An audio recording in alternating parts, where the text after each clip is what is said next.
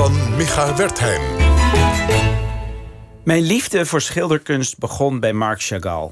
Of eigenlijk bij een kinderboek over Marc Chagall... dat ik van mijn oom Walter en tante Mario uit Haarlem voor mijn verjaardag kreeg. Een prentenboek uit de serie Kunst voor jou... dat in 1979 in samenwerking met de educatieve dienst... van het Rijksmuseum in Amsterdam werd uitgegeven. Het boek introduceerde mij in de wonderlijke, vrolijke, poëtische, melancholische en vooral kleurrijke wereld van Marc Chagall. Over het schilderij Midsomernachtsdroom, waarop we een verliefde ezel een vrouw zien omhelzen, terwijl een groene clown en een duivelsrode engel toekijken, stond er: Misschien wil Chagall met dit schilderij wel zeggen dat iemand die verliefd is, een ezel, een engel en een clown tegelijk is. Wat mij toen al opviel aan het schilderij is dat zowel de ezel als de vrouw een beetje droevig keken.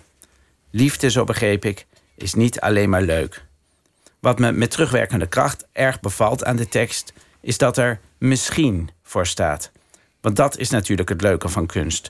Je mag als kijker zelf beslissen wat je ziet. En daarmee is kunst toegankelijk voor iedereen die dat toegang toe wil.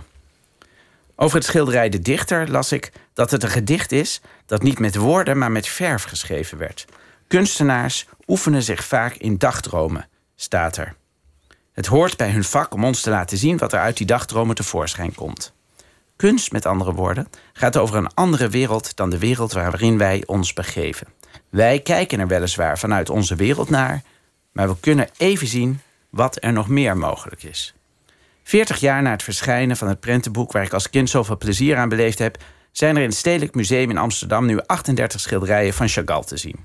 Ze maken deel uit van de tentoonstelling Chagall, Picasso, Mondriaan en andere migranten in Parijs. Toen ik de tentoonstelling eerder deze maand bezocht, werd ik, zoals dat gaat bij het weerzien van een oude liefde, vervuld van melancholie en nostalgie. Emoties waar Chagall zelf ook niet vies van was. Er is mij vaak verteld dat het werk van Chagall kitsch is, maar dat is onzin. Het komt er soms in de buurt, maar wie zich richt op grote thema's als liefde en heimwee, moet een risico nemen. Zijn kleurgebruik, durf en humor doen Chagall, wat mij betreft, ver boven alle clichés uitstijgen.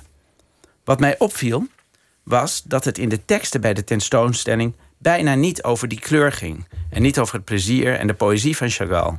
De makers van de tentoonstelling vertelden via de bordjes vooral over het migrantenbestaan. Over hoe Chagall in Parijs te maken kreeg met antisemitisme. Wat natuurlijk waar is, maar in Rusland, waar hij vandaan kwam, was dat natuurlijk niet anders. Aan het einde van de tentoonstelling is een zaaltje dat helemaal gaat over het migrantenbestaan. Er hangen foto's van Zinedine Zidane en andere migranten die Parijs nu kleur geven. De tentoonstelling opent met een overzicht van de namen die de getoonde kunstenaars van zichzelf hadden en de namen die ze in Parijs aannamen. Moshwa Jagorovich Chagall veranderde zijn naam en de spelling in Marc Chagall. Bij een zelfportret, waarop hij zich vrolijk uitdorst, uitgedost heeft, terwijl hij op de achtergrond de Eiffeltoren afbeeldt, staat dat dit schilderij laat zien hoe ongemakkelijk Chagall zich voelde als migrant in Parijs. Misschien, dacht ik. Het klopt dat Chagall in zijn werk zijn verleden opnieuw vorm gaf, maar zelf heb ik de indruk dat zijn werk er vooral over ging dat hij, zoals veel modernisten, zichzelf en zijn geschiedenis opnieuw uit wilde vinden. Het is juist die actieve, humoristische instelling die voorkomt dat nostalgie tot kitsch verwordt.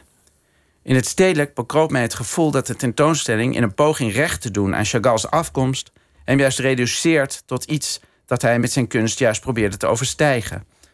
In mijn prentenboek over die 40 jaar, dat 40 jaar geleden verscheen, wordt de geschiedenis van Chagall niet gemeden, maar de nadruk ligt op de virtuoze droomwereld die hij bouwde, waarin iedere toeschouwer, ongeacht diens achtergrond, van harte welkom is. Deze week plaatst het Stedelijk Museum een advertentie waarin ze op zoek zijn naar een nieuw hoofd voor de afdeling Educatie en Inclusie. Twee lovenswaardige doelen. En toch bekruipt mij soms de angst dat de kunstwereld in haar streven niemand buiten te sluiten vergeten is dat kunstwerken nu juist per definitie inclusief zijn. In zijn roman De ondraaglijke lichtheid van het bestaan wijst Milan Kundera erop dat wie kunst probeert in te zetten als politiek middel kunst laat verworden tot kitsch. Kunstenaars zoals Chagall verschaffen ons toegang tot hun eigen droomwereld. Wat we daar aanschouwen, mag ieder voor zichzelf uitzoeken. Het enige dat een educatieve dienst van mij hoeft te doen, is ons tonen hoe mooi, bevrijdend en inspirerend dat kan zijn. Goed, klare taal, Micha Wertheim, duidelijk. Uh, voor mensen die nog meer Wertheim willen de aanstaande weken... je bent nog op tournee met je voorstelling, waar, waar kunnen die terecht?